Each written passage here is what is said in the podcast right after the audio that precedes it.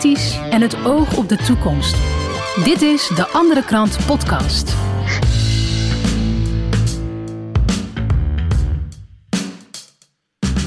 Dit is de Andere Krant Podcast. De podcast die jou de andere kant van het verhaal laat horen. En vandaag ga ik in gesprek met een bekende fotograaf en journalist, Ad Nuis. Veel mensen kennen Ad van zijn werk als fotograaf. De veel bekeken columns voor Café Welsmatch en de serie Rechterrug in de Andere Krant. Maar eind vorig jaar ging het een beetje mis. En uh, daarom heb ik uh, Ad aan de telefoon. Ad, goedemorgen. Ja, goedemorgen. Er is, fijn, uh, om weer, fijn om weer onder de mensen te zijn. Ja, ik, ik vind het ook heel fijn om jou weer te horen. Ja. Ja, er is, is vorig, jaar, vorig jaar veel gebeurd met jou. ja, nogal ja. Je, je, bent in het ziekenhuis terechtgekomen en in een COVID-coma beland. kun je ons even meenemen naar dat moment van vorig jaar? Ja, dat kan ik wel. Ehm, ik ben ziek geworden tussen kerst en oud en nieuw. En uh, toen ben ik gewoon, uh, ja, ik dacht dat is griep. Ik had geen koorts, dus gewoon uh, lekker rustig. een beetje, er was toch niet zoveel te doen tussen kerst en oud en nieuw. Ja. En, en langzaam werd ik zieker en zieker en zieker. En nieuwjaar, oud en nieuw weet ik helemaal niets meer van. Dat ik dat, dat het, ik helemaal geen, geen idee dat het, dat het 2022 is geworden. En langzaam ging ik steeds verder achteruit en dat werd verontrustend. En dat had ik zelf ook wel door. Toen, uh, toen ben ik afgevoerd door de ambulance. Dat is het moment wat ik nog weet. En ze hebben me aan de zuurstof gelegd. Een uh, toertje gemaakt door het land. En uiteindelijk ben ik op de IC in uh, Ede terechtgekomen. In de Gelderse Vallei. Jeetje. Ja, ja, daar weet ik dus zelf helemaal niets van. Hè. Dus, uh, dus dat scheelt een stuk. En uh, ja, dat ziek worden is natuurlijk een beetje. Kan je zeggen mensen, ja, je hebt COVID. Dat is ook zo. Ik heb longembolie en COVID. Maar er is natuurlijk heel veel gebeurd de afgelopen twee jaar. dus ik denk dat, het, dat je dat iets breder moet zien. waarom ik ziek geworden ben en hoe dat dan gaat en hoe, hoe, hoe, ja, hoe, hoe zo'n ziekte je te pakken kan krijgen. Want het is wel serieus natuurlijk. Hè? Maar dat wist ik natuurlijk al. Mhm. Maar ik heb het verwaarloosd en dat is een beetje dom geweest. En uh, ja, in de lockdown, door de, door de lockdown, uh, ja, wilde ik alles weten wat, hoe dat nou zat. Hè? Dus, eh, dus ik vond die lockdown merkwaardig. Of die, ja, zeg maar die, na die persconferentie van Rutte dacht, nee, hier is veel meer aan de hand. Dus toen ben ik alles gaan uit, uitzoeken. Ja. Ben ik daar helemaal ingedoken. Ben ik ook columnist uiteindelijk geworden. En uh, daarnaast was er uh, kanker om me heen, ziektes. Mijn moeder is natuurlijk door die lockdown opgesloten. Die zat net in een tehuis. verward en die heeft vier maanden opgesloten gezeten. Dus dat heeft achteraf een enorme impact gehad. En daarna is mijn moeder overleden. Dus al die dingen bij elkaar hebben ervoor gezorgd, denk ik zelf, dat ik nu uh, aan het revalideren ben. Ik heb gewoon uh, een klap gehad van, uh, van de natuur. Ja, ja precies. Heftig allemaal. En, en we zijn natuurlijk best wel geschrokken ja. wat er allemaal gebeurd is. En nou ja, daar, daar vind ik het ook zo fijn dat je van de telefoon hebt. Maar, um, ja. maar, maar hoe is het nu met je? Ja, het gaat nu redelijk goed. Ik, uh, ik zit nu in een revalidatiecentrum in het midden des lands. Uh, gewoon een soort uh, oudere afdeling. De meeste mensen zijn van de trap gevallen of, uh, of geopereerd of dat, dat soort zaken. Ik ben. Er is nog één COVID-patiënt die ik nog niet gezien heb. En ik ben de tweede COVID-patiënt. En er zitten hier 18 mensen. en bevalt me prima. Ik heb een, ik heb een mooie kamer. Het is hier uh, gemoedelijk, zoals veel mensen zeggen. Dat klopt helemaal. Mm Personeel is fantastisch, net als op de IC trouwens. Ik wil ook nog even zeggen, dat personeel is echt ongelooflijk.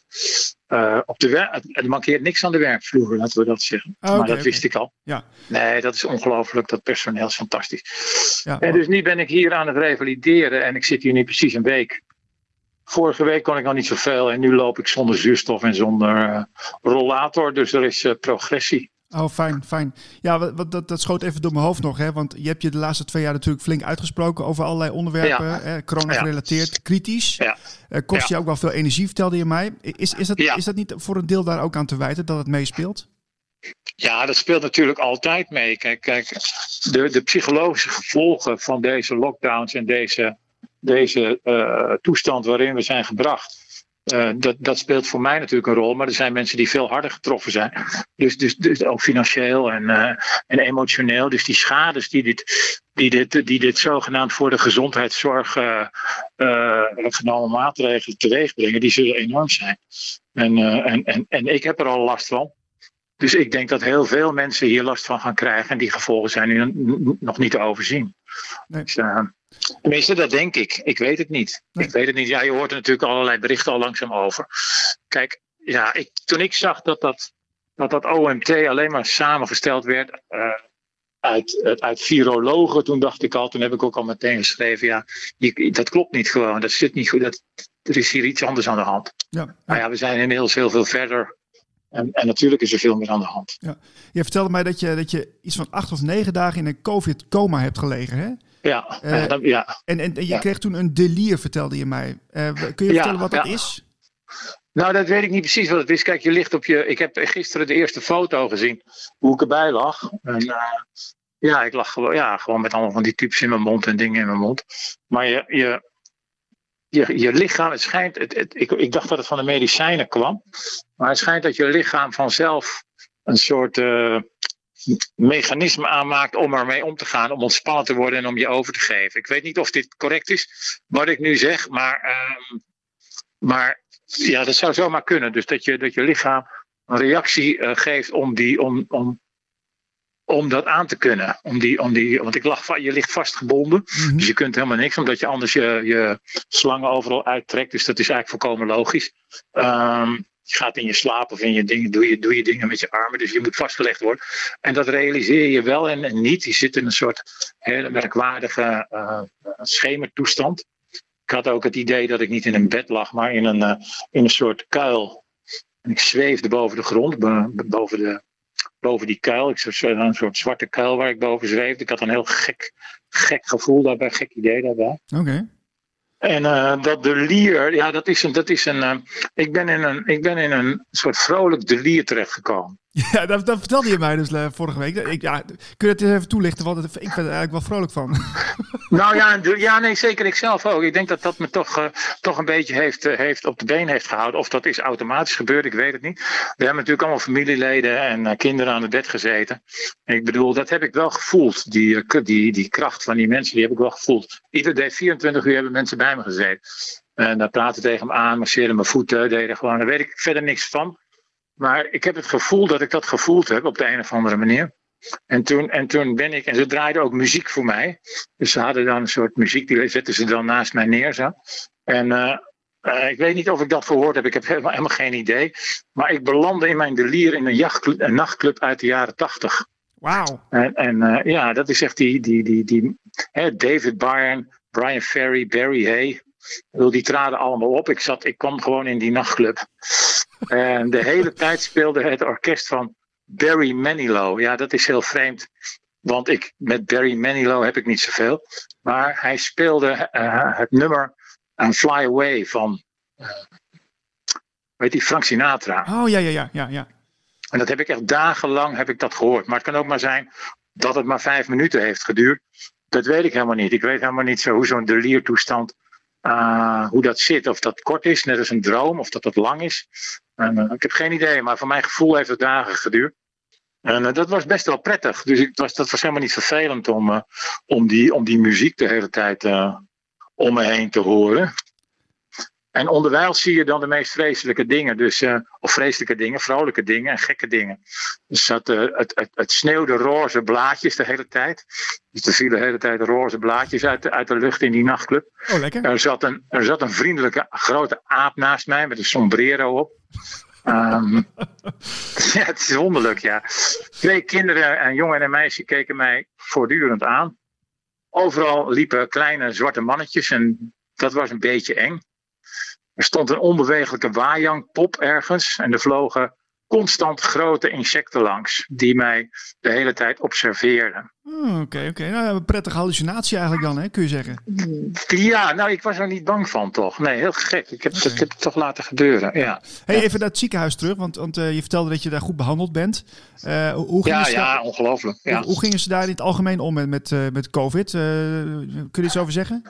Ja, daar kan ik wel wat over zeggen. Ik heb gisteren even nagevraagd. Uh, er waren toen ik op de IC lag daar twee COVID-patiënten, ik en nog iemand. Uh, wij zijn tegelijkertijd naar de afdeling gegaan. Ik heb eerst daar tussendoor, nadat ik van de COVID-afdeling kwam, COVID-IC kwam, van de IC kwam, ben ik nog naar de gesloten COVID-afdeling geplaatst omdat ze natuurlijk moesten kijken of ik nog uh, besmettelijk was. Nou, dat begrijp ik allemaal wel. Je kan mij niet zomaar in een ziekenhuis leggen. Dus ik heb daar uh, twee dagen op die uh, gesloten COVID-afdeling gezeten. En toen ben ik naar de longgeriatrie-afdeling gebracht. En daar heb ik nog een week gelegen. Samen met een andere jongen die ook herstellende was van, van COVID. En wij waren volgens mij de laatste twee COVID-patiënten toen. Zo, oké. Ja, dat was, vorige, dat was dus vorige week, ja. Ik zit hier nu precies een week. Ja, ja, ja oké. Nou ja, dat is, dat is een aardige lege stroom dus. Maar dat is het ziekenhuis van Ede, vertelde je mij. Ja, ja, ja. ja. Gelderse Vallei heet dat. Oké. Ja. ja, en, dan ben ik toch benieuwd, want uh, je hebt natuurlijk mm. best wel een heftige ervaring gehad nu. Uh, ja. Ben je nou gaan twijfelen om dan te denken van nou, misschien dat ik toch nog een vaccin ga nemen of zo? Waarover moet ik gaan twijfelen? Over dat vaccin? Ja, dat je denkt van nou ja, ik weet het niet. Misschien uh, dat je op andere gedachten bent gekomen? Nee, nee, ik ben zeker niet over, op andere gedachten gekomen. Ik, dat vaccin staat wat mij betreft helemaal los hiervan. Ik vertrouw dat vaccin niet en daar heb ik allerlei reden voor. Daar heb ik ook al van alles over gezegd. Uh, nee, ik ga zeker geen vaccin nemen. Maar dat speelt eerlijk gezegd op de werkvloer in het ziekenhuis ook helemaal geen rol hoor. Oké. Is wel, dat is wel heel, uh, ja, misschien geruststellend voor veel mensen. Iedereen denkt, maar oh god, dan, krijg, hè, dan gaan ze me allemaal vervelende vragen stellen, maar dat gebeurt helemaal niet. Die mensen doen gewoon fantastisch hun werk en niemand, niemand heeft het erover of je gevaccineerd bent of niet. Ze willen je gewoon helpen en dat maakt helemaal niks uit. Nou, dat lijkt me echt, uh, ja. Nee, er speelt echt geen rol. Op de werkvloer speelt dit helemaal geen rol. En uh, ja, nou ja, dat vind ik wel, wel prettig. Nee, maar ik, ik, ik mankeer natuurlijk niets aan mijn rug, snap je wel? Mm -hmm. Ik bedoel, mijn rug blijft gewoon recht. En ik blijf gewoon kritisch. Of ik, of ik me daar zo druk over blijf maken en uit, over ga spreken, dat weet ik niet. Oh, dan heb ik het over de columns of dat weet ik niet. Maar, ik, maar gewoon zo'n zo'n rubriek in de krant of zo, dat lijkt me nog steeds fantastisch om te doen. Ja. Daar, daar, ben ik niet, daar ben ik niet anders over gaan denken. Nee, maar ben je nu wel, kijk je nu wel anders naar, naar coronagevallen in het algemeen? Want uh, kijk, het is, het is best wel, als je van afstandje kijkt, uh, is, is het iets wat ver van je afstaat. En nu heb je het zelf meegemaakt. Is het nu anders? Um, nou, het is, het is wel pittig, dat moet ik zeggen. Dat is gewoon waar, maar dat, dat wist ik eigenlijk al. Uh, maar ik kijk er niet zo heel anders tegenaan. Kijk, die, die artsen hebben mij ook verteld, tenminste mijn kinderen verteld, uh, dat als ik in een veel slechtere conditie was geweest en bijvoorbeeld 10 of 15 kilo overgewicht had gehad, dan had het zomaar heel anders af kunnen lopen. Dus, dus het, het heeft nog steeds veel te maken met jouw uh, met jouw uh, gezondheid, met je algehele gezondheid. En als die niet al te best is en je hebt onderliggend leed, ja, dan is COVID, kan COVID een killer zijn. Maar dat is met de griep natuurlijk idem dito. Dus het is niet zo dat ik daar nu heel anders tegenaan kijk. Nee. nee. nee. Oké, oké. Okay. Hey, bij de andere kant heb je de, de mooie serie De Rechte Rug. Ja. Um, wanneer kunnen we daar iets van verwachten? Want je bent natuurlijk aan het revalideren, maar... Ja, ik ben nu echt aan het revalideren. En uh, hoe lang dit precies gaat duren, weet ik niet. Maar ik hoop dat ik binnen nu en een maand zover ben opgeknapt dat ik gewoon weer uh, dingen kan gaan doen. Uh, met COVID moet je heel erg uitkijken. Tenminste, ik heb hier natuurlijk allemaal therapeuten en deskundigen aan mijn bed gehad. En dan moet je, ik ben natuurlijk eigenwijs, maar soms moet je ook luisteren. en, ja, nee, dat is echt wel zeker in dit geval. En je moet niet over je grens heen gaan hiermee. Dus ik moet het heel langzaam opbouwen en tot nu toe gaat het heel goed. En ik moet uitkijken dat ik niet te veel wil en dat ik dan weer een terugslag krijg. Want dat, dat schijnt wel de valkuil van COVID te zijn. En daar loop ik nu eigenlijk dagelijks ook tegenaan. Dus ik moet, uh, ik moet het heel langzaam opbouwen. En, uh, en dan, dan hè, de, de ergotherapeute die zei tegen mij: U bent een druk, druk baasje, meneer Nuis. En uh, zal ik u iets vertellen? De mensen die het snelst willen herstellen, die doen er het langst over. Oeh, ja, ja, ja. ja dus je moet, toch, je moet toch heel erg luisteren naar je lichaam. En uh, dat is wat ik doe. Dus ik loop hier nu rondjes. Ik fiets op de home trainer. Morgen ga ik uh, proberen de trap op te komen zonder zuurstof en dan uh, buiten langzaam lopen. Goed zo. En iedere keer, iedere keer 100 meter verder. Ja, nou, ik, ik, ja. ja, ja, stapje voor stapje. Hey, Ad, ik vond het fantastisch dat je ons even te woord kon staan ja. op de telefoon. En Ja. eh, stoer dat je vanuit het ziekenhuis eventjes eh, ons te woord wilde staan. En ja, ja, eh, als je weer beter bent, kom snel weer op de redactie voor een bakje koffie. Ja, zeker, zeker. Kijk, dat mis ik natuurlijk allemaal. Kijk, je mist al die sociale contacten. Maar het punt is dat als ik nu bijvoorbeeld. eh, ik heb de hele maand eh, januari gemist. En, eh, en als ik nu over, over politiek ga kijken en ik wind me op. Hè, want dat, dat, dat doe je dan. Als je, als je sommige mensen hoort praten, dan wind je wel eens een beetje op. Ja, dat moet ik echt niet doen, want dan ben ik gelijk kortademig. Dus eh, Ja. ja, pas op, pas op. Hè. Dat, is, dat is gevaarlijk. Dus die tv laat die tv uit. Laat die uit. Nee, de tv zet ik ook helemaal niet aan. ik luister een beetje reggae muziek. En, eh, en eh, neem, wat, neem wat wietolie. En dan eh, ja, word je gewoon eh, een beetje relaxed van. Precies. Lekker herstellen, Ad. En eh, heel veel sterkte de komende tijd. Hè. Hé, hey, dankjewel. Wil jij ook onderdeel zijn van de snelst groeiende onderstroom van Nederland? Lees dan de andere krant. Ik ga verder met journalist Jeroen Arends. Jeroen, leuk dat je in de podcast bent. Dankjewel Niels. Eh, we gaan het hebben over de protesterende truckers in Canada en in Nederland. Ja, Ja. veel mensen zagen dat er waarschijnlijk al eh, voorbij komen op eh, social media. Er is veel aandacht voor. En eh, ik denk dat het wel even leuk is dat we even gaan luisteren naar een fragmentje van wat er in Canada gebeurt.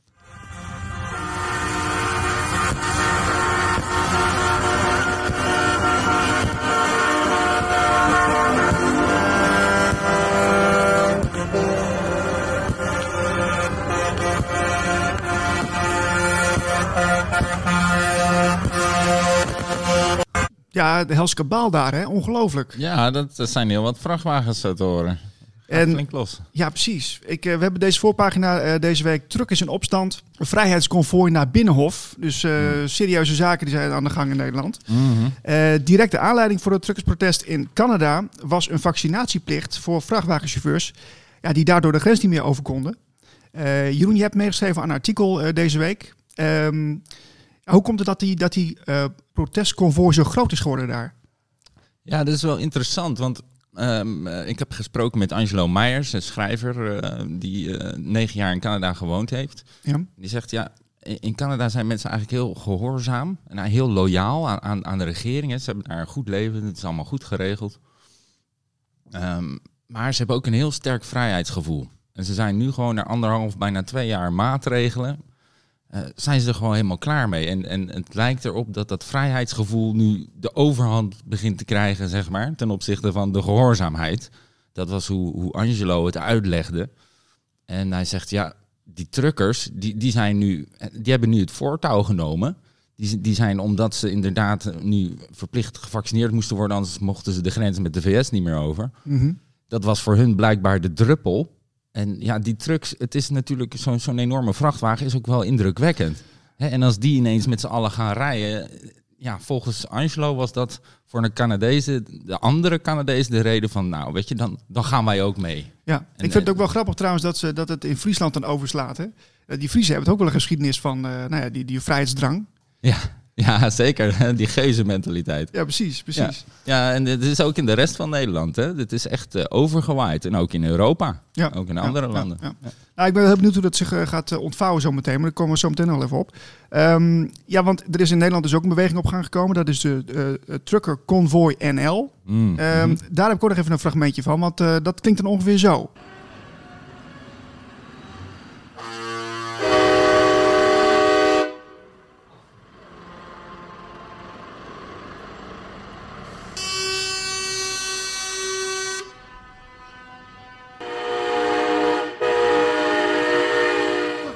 Ik motor voor zolang dat ik het kan. Omdat ik de maatregelen allemaal beu ben.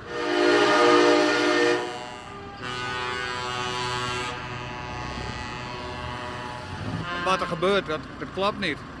Dus eh, wat eh, onrecht eh, recht is opeens, ja, dan is het, een plicht om toch voor de mensen toch wakker te wel even en te houden.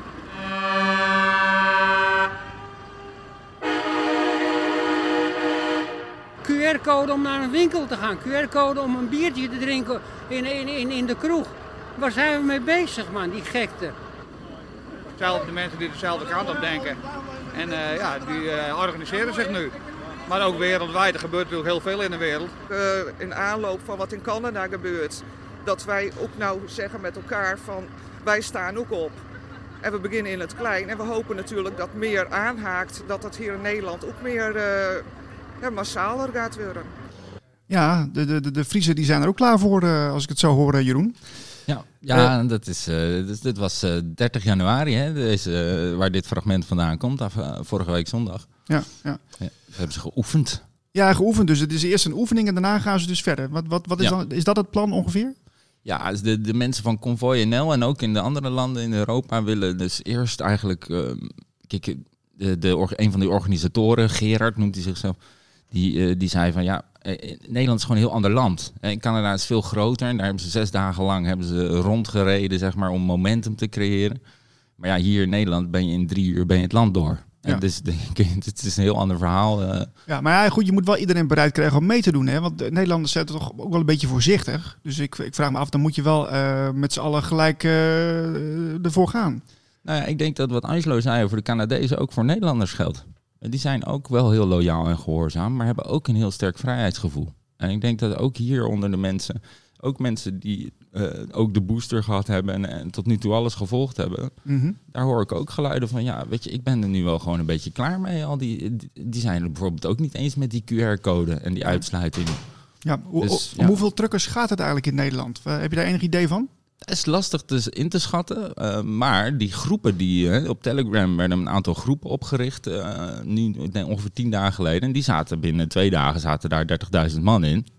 Dus dat is best wel flink, zeker voor, voor een Telegram groep.